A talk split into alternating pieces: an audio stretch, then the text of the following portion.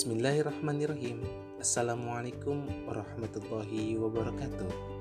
Bersama kami Syamsuri Center Podcast Suara penebar kedamaian.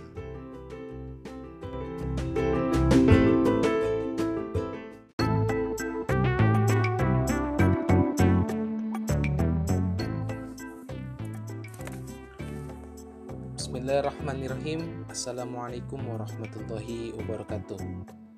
Alhamdulillah Alhamdulillahilladzi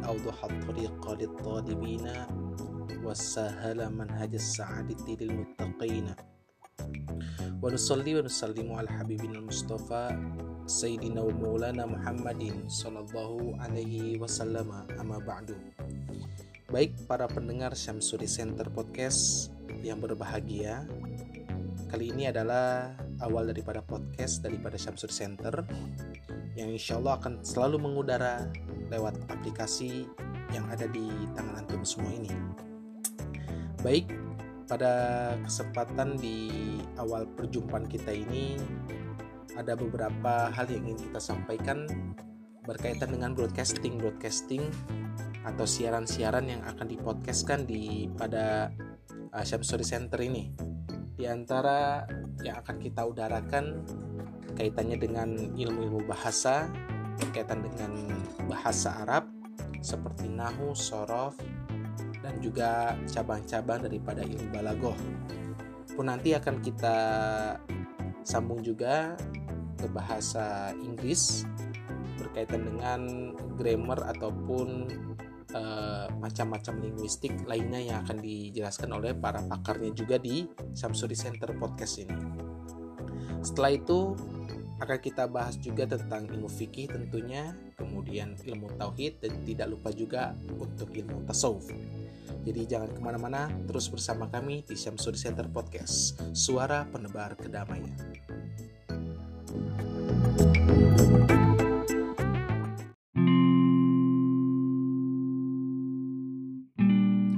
Baik kawan-kawan pada podcastan pertama kali ini kita akan membahas tentang pembahasan fikih yang diawali oleh toharoh.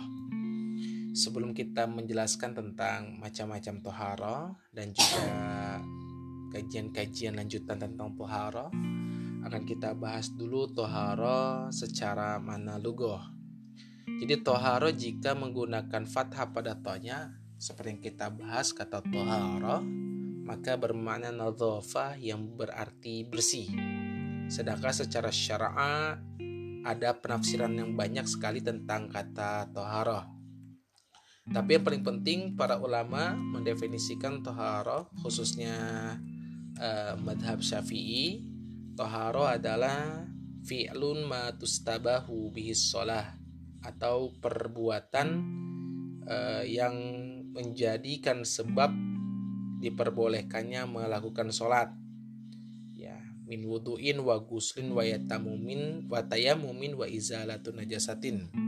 Berupa wudhu kemudian mandi tayamum dan izalah najasah.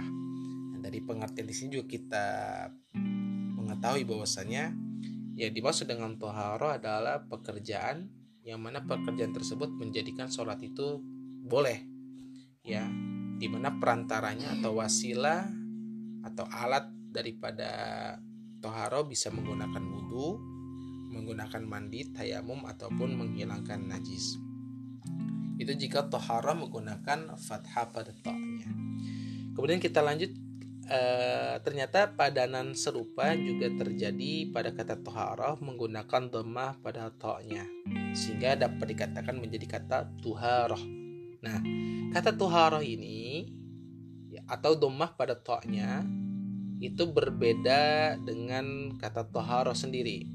Jika menggunakan domah pada to'nya, maka bermakna ismun libaki yatil ma'i atau nama sisa air yang digunakan untuk e, bersuci gitu. Maka alasannya kenapa dijelaskan atau di berbagai macam kitab fikih dijelaskan menjadi kata-kata tohara karena berkaitan dengan pekerjaan-pekerjaan yang menjadikan sholat itu diperbolehkan dan juga akan membahas tentang macam-macam tohara seperti wudhu, seperti mandi, seperti tayamum dan menghilangkan najis. Baik, pada segmen selanjutnya kita akan bertemu kembali uh, tentang macam-macam air. Jangan ke mana-mana, terus uh, pantengin terus, stay tune terus di Samsur Center Podcast, suara penebar kedamaian.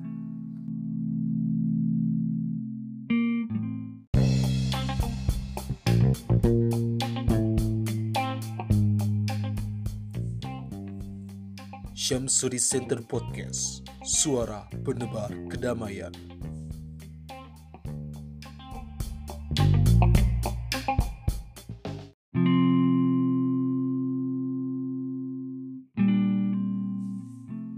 Baik, kita lanjut lagi.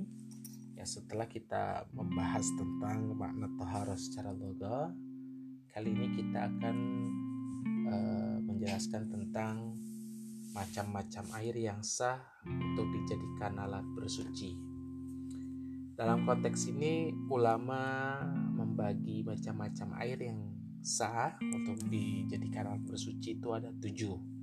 Yang pertama yaitu adalah ma'us samai atau air hujan, kemudian ma'ul bahri atau air laut, kemudian ma'un nahri atau air sungai, kemudian ma'ul bi'ri atau air sumur, kemudian ma'ul aini atau mata air, kemudian ma'ul salji atau air salju, kemudian ma'ul barodi atau air embun. Yang menjadi pertanyaannya adalah eh, dari mana ketentuan tujuh air ini bisa dijadikan sebagai alat untuk bersuci. Uh, pertama-tama para ulama tentu uh, mereka dalam menentukan sebuah kajian hukum ataupun kesimpulan hukum itu tidak didasari atas uh, logika mereka sendiri akan tetapi mereka tetap merujuk kepada usul atau dasar-dasar madhab mereka seperti Quran, Sunnah, Ijma ataupun Kias. Tujuh air yang sah untuk digunakan bersuci ini Pertama berdasarkan firman Allah di dalam surat Al-Anfal ayat 11 yang bunyinya A'udzu billahi minasyaitonir rajim Bismillahirrahmanirrahim.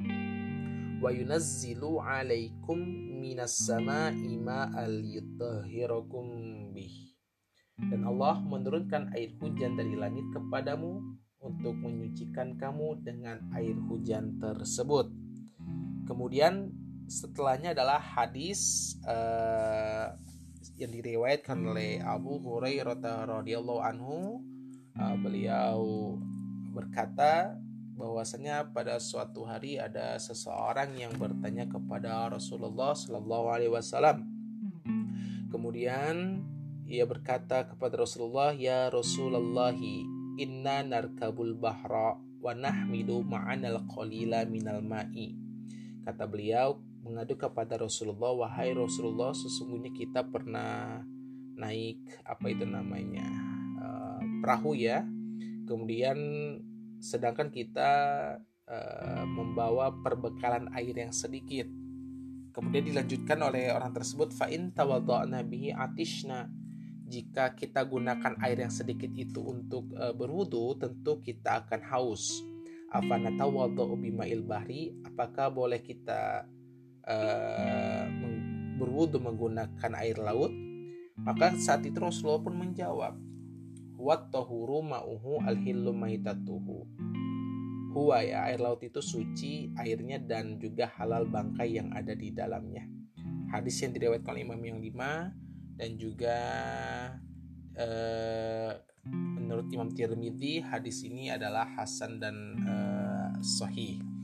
Baik jika kita lihat daripada dua dalil yang dibentuk tadi, pertama dalam ayat surat Al-Anfal hanya merujuk kepada minas sama imaan ma'an. Ma'an di sini berarti minas sama iman yaitu merujuk kepada mungkin hanya air hujan saja secara zahir. Sedangkan merujuk kepada yang kedua daripada hadis hanya eh, apa namanya menjelaskan tentang air laut saja jika disatukan daripada padanan dua uh, dalil ini maka kita akan hanya mendapatkan kata air hujan dan air laut saja. Lalu bagaimana dengan sisa lima air yang lainnya? Baik, eh, tentu para ulama dalam hal ini menyatakan eh, makna daripada air laut dan juga makna daripada eh, air hujan ini memiliki dua makna. Mana yang pertama adalah mana uh, bikulli inna ba'aminal ardi wa anzala minas samai. Segala air yang apa namanya keluar daripada bumi dan turun dari langit itu sah untuk dijadikan alat untuk bersuci. Begitu memang sumber daripada apa namanya itu uh, air memang uh, semuanya bukan hanya berasal daripada langit saja jika kita melihat kajian secara biologis tetapi terjadi ada uh, perputaran di sana dari mulai laut, air laut kemudian apa namanya diserap oleh langit sehingga menurunkan hujan. Nah, menariknya di sini ada kata al-bahar. Nah, kenapa di uh, ulama dari dua hadis ini mampu menyimpulkan tujuh macam air saja mengingat air laut itu adalah air yang sangat banyak. Nah, sehingga tujuh air ini eh, para ulama pun berjihad air yang keluar dari bumi dan turun dari langit dan juga yang jumlahnya sangat banyak itu terbagi menjadi tujuh. Sebagaimana yang disebutkan yaitu adalah air hujan, air laut, air sungai, kemudian air sumur, mata air, air salju dan air embun. Mungkin itu uh, yang mampu kita uh, jelaskan uh, tentang macam-macam air yang sah untuk dijadikan uh, alat untuk uh, bersuci. Nanti kita lanjut lagi penjelasan tentang macam-macam air yang empat. Tetap stay tune di uh, Samsur Center Podcast, suara penebar kedamaian.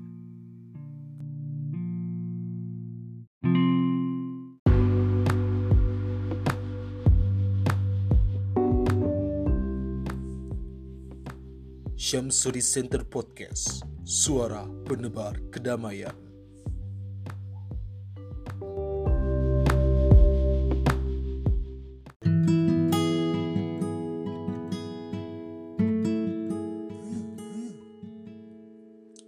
Uh, Baik, uh, kembali bersama kami bersama kami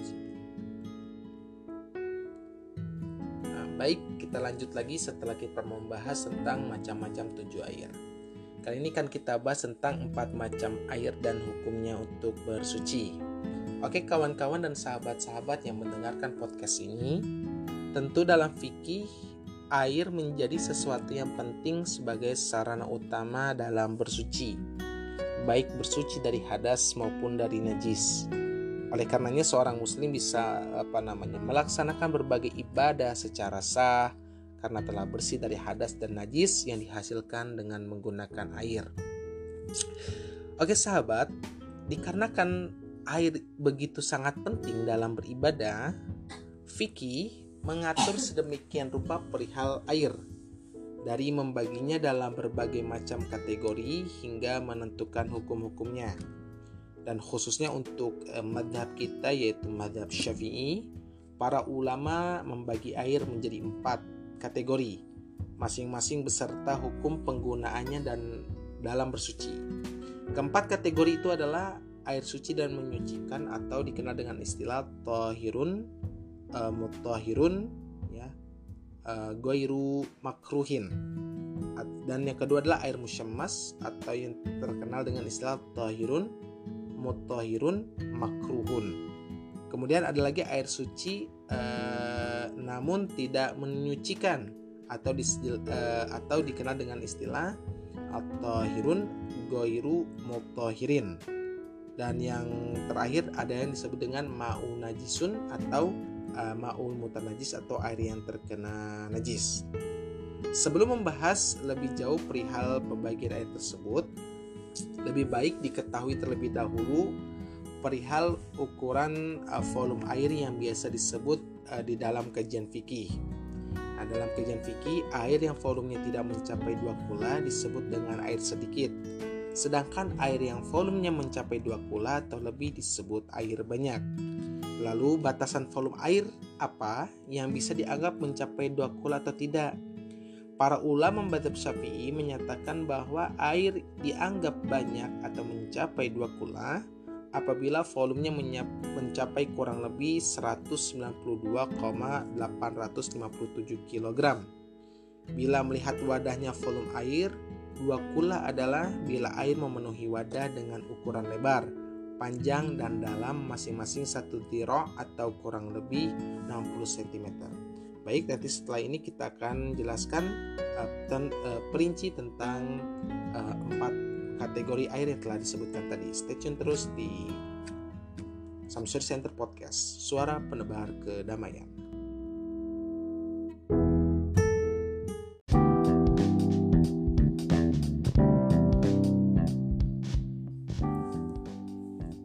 Syamsuri Center Podcast, suara penebar kedamaian.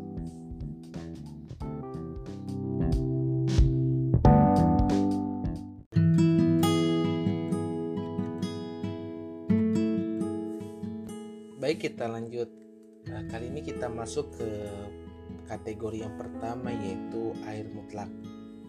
Air mutlak sendiri merupakan air yang memiliki fungsinya atau sifatnya adalah tahirun mutahirun gairu makruhin atau suci dan mensucikan dan tidak uh, makruh dalam uh, menggunakannya atau lebih jelas adalah tohirun finafsihi suci pada zatnya mutohirun degoirihi dan bisa mensucikan pada yang lainnya goiru makruhin isti'maluhu dan tidak makruh dalam menggunakannya. Maka dalam kategori ini air tersebut dinamakan air mutlak. Lalu men, uh, terdapat pertanyaan apakah yang disebut dengan air mutlak? Air mutlak jika kita lihat eh, secara syarah di dalam kitab Fathul Qarib mengatakan bahwasanya al-maul mutlaku an qayyidin lazimin. Air mutlak adalah air yang terbebas. Karena kata mutlak itu adalah bebas daripada qayyid, ikatan lam, nama lazimin yang uh, menetap. Atau lebih singkatnya adalah air mutlak itu adalah air yang uh, bersumber dari bumi dan turun dari langit yang membawa pada sifat aslinya. Nah, jika berubah, maka berubah pula uh, namanya. Nah, kurang lebih seperti itulah penjelasan uh, tentang air mutlak. Makanya kenapa uh, kopi tidak bisa disebut dengan air mutlak karena sudah terjadi adanya uh, atau ikatan nama yang merubah nama air tersebut. Oke, eh, lalu menjadi pertanyaan yang menarik uh, tentang dasar daripada kesucian air mutlak tersebut bisa digunakan untuk sebagai sarana toharoh. Ya, sebelum kita berbicara ke sana, yang perlu diketahui apa sih betul daripada air mutlak? Tentu air mutlak itu adalah bagian daripada air-air yang tujuh yang telah tadi disebutkan yaitu adalah ma'us sama atau air hujan, kemudian air laut, air sungai, air sumur, mata air atau air salju atau air es ataupun air embun. Nah, ketujuh air tersebut merupakan adalah air mutlak. Nah, sekarang kita akan mengkaji uh, lebih dalam tentang asal atau dasar kesucian daripada air mutlak tersebut. Dasar daripada kesucian air mutlak tersebut sesuai dengan hadis yang diriwayatkan oleh uh, Imam Bukhari uh, dan selainnya daripada Abu Hurairah radhiyallahu taala berkata suatu hari ada orang Badui yang sengaja berdiri kemudian lalu kencing di dalam masjid. Saat itu sahabat melihat orang Badui tersebut lalu mereka kompak untuk mengerumuni orang Badui tersebut. Akan tetapi Ketika Rasulullah melihat ada aksi yang ingin dilakukan oleh sahabat, Rasulullah segera bersabda, "Da'uhum." Ya tinggalkan orang Badui tersebut. Wahariku ala baulihi sajalah mimain. Dan semborlah bekas kencingnya dengan seember daripada air. Fa innama bu'ithtum muyassirina walam tub'atsu mu'assirina. Subhanallah, kata Rasulullah, kalian itu diutus untuk mempermudah dan uh, bukan diutus untuk uh, mempersulit. Dalam uh, da, uh, daripada dalil ini kita lihat bagaimana kencing itu merupakan benda yang najis yang dibersihkan uh, daripada air. Tentu saja air yang digunakan adalah air mutlak yang tohir atau zatnya adalah suci. Dan tentu ketika bisa digunakan untuk menghilangkan najis maka mutohirun ligoiri dan makruhun uh, apa namanya istimaluhu dan tidak makruh dalam menggunakannya kesimpulannya adalah air mutlak adalah air yang tujuh yang tadi disebutkan atau segala macam air yang naba aminal ardi wa nazala minas sama yang timbul daripada bumi dan turun daripada langit dan tidak berubah daripada sifat asalnya nanti kita lanjut lagi ke bagian air yang kedua tetap stay tune di podcast uh, Samsung Center Suara Penebar Kedamaian.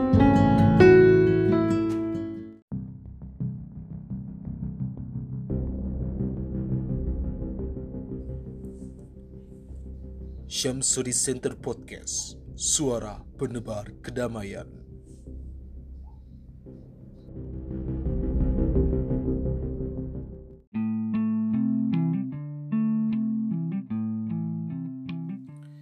Baik, kita lanjut lagi. Sekarang uh, kita membahas tentang bagian kategori air yang kedua.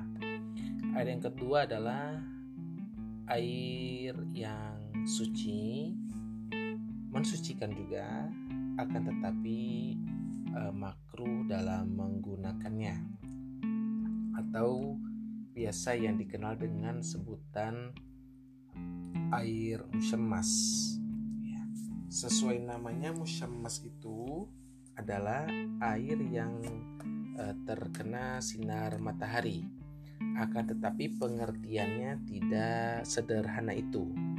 Maksud dari kata musyammas sendiri adalah air yang terkena atau menjadi panas disebabkan matahari, namun air tersebut terdapat di suatu bejana atau wadah atau tempat air yang terbuat dari besi atau logam gitu ya.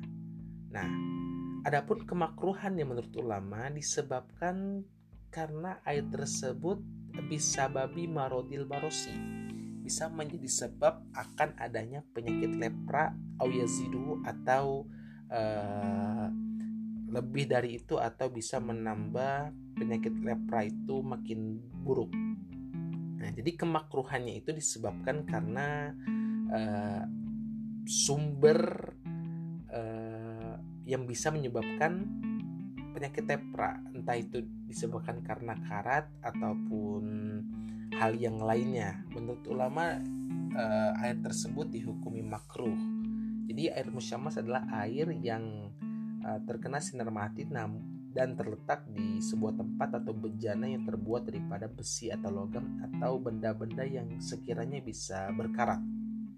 Nah, akan tetapi uniknya air musyamas tidak menjadi makruh apabila uh, digunakan untuk selain badan. Jadi makruhnya itu apabila digunakan untuk badan jika digunakan untuk selain badan seperti men, e, menyuci atau membersihkan perabotan dan lainnya itu tidak dihukumi makruh. Uh, kurang lebih seperti itu penjelasan tentang daripada air musyamas.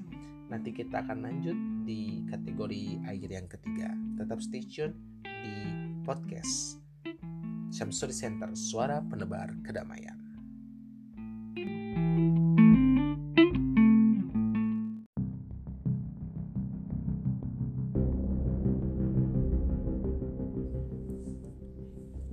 Syamsuri Center Podcast Suara Penebar Kedamaian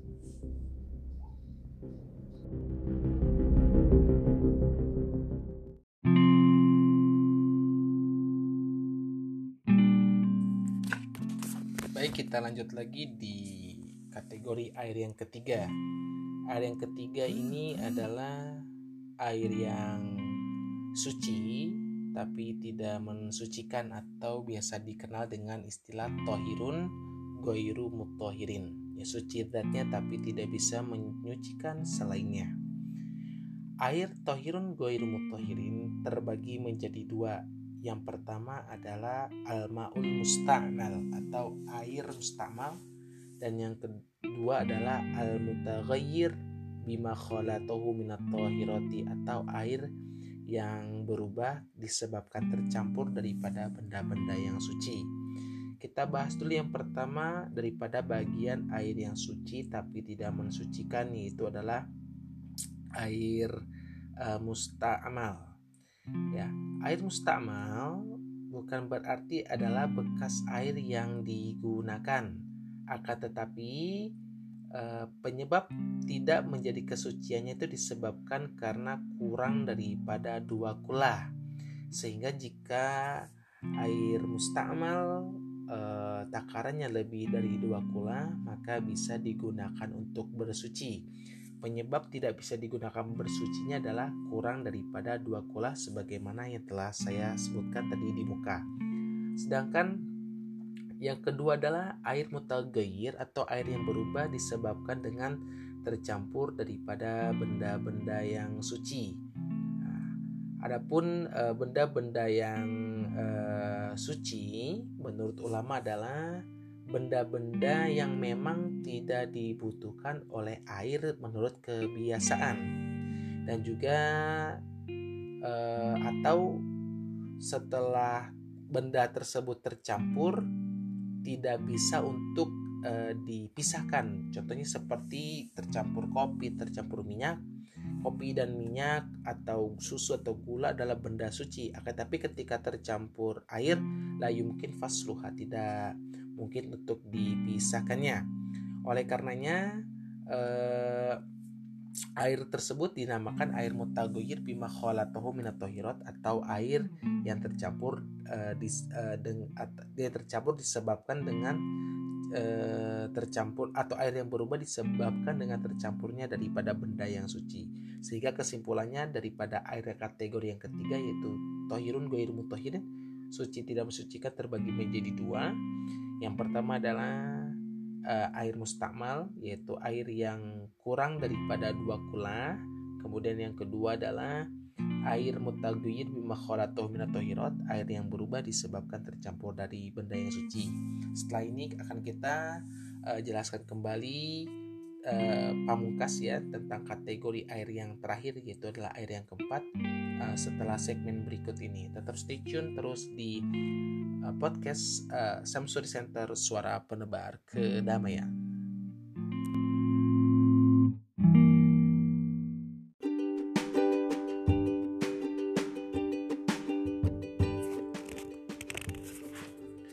Bismillahirrahmanirrahim. Assalamualaikum warahmatullahi wabarakatuh Bersama kami Syamsuri Center Podcast Suara penebar kedamaian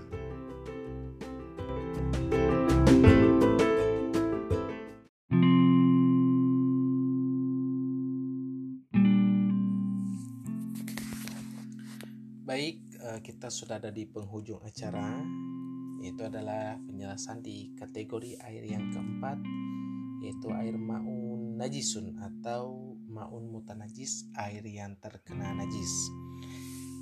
Air yang terkena najis adalah air yang bisa dilihat daripada takarannya dan jika dilihat dari takarannya akan menentukan status air itu sendiri. Yang pertama adalah air yang mutan najis dunal kulatain atau kurang dari dua kula air mutan najis ini ketika terkena najis baik berubah dari salah satu sifatnya baik rasanya, warnanya ataupun uh, sifatnya maka tetap dihukumi tidak mensucikan. Artinya tidak suci dan juga tidak mensucikan jika airnya itu sedikit kurang daripada dua kula.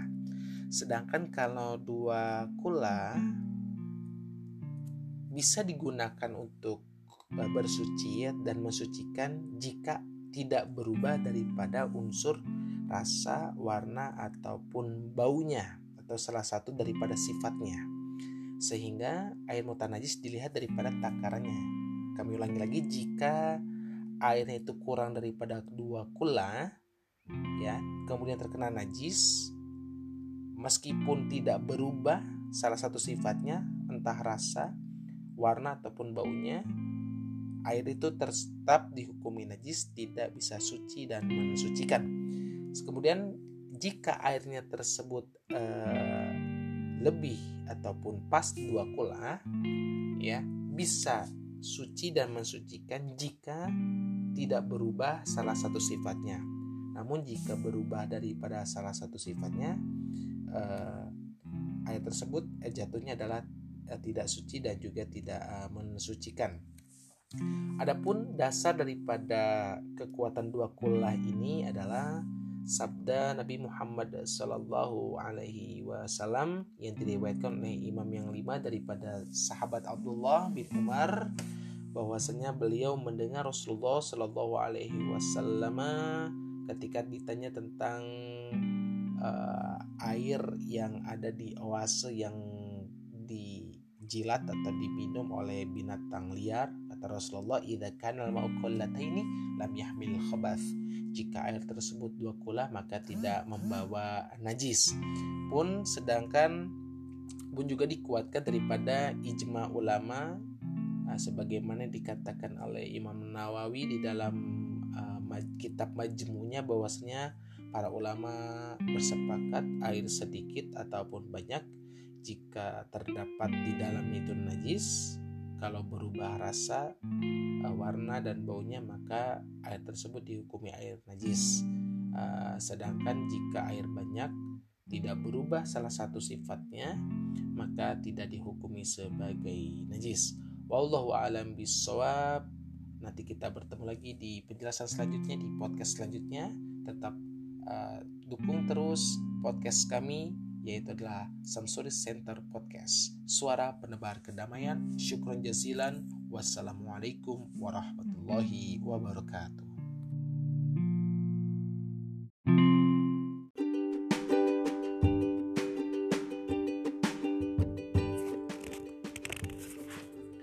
Bismillahirrahmanirrahim. Assalamualaikum warahmatullahi wabarakatuh. Bersama kami Syamsuri Center Podcast, suara penebar kedamaian.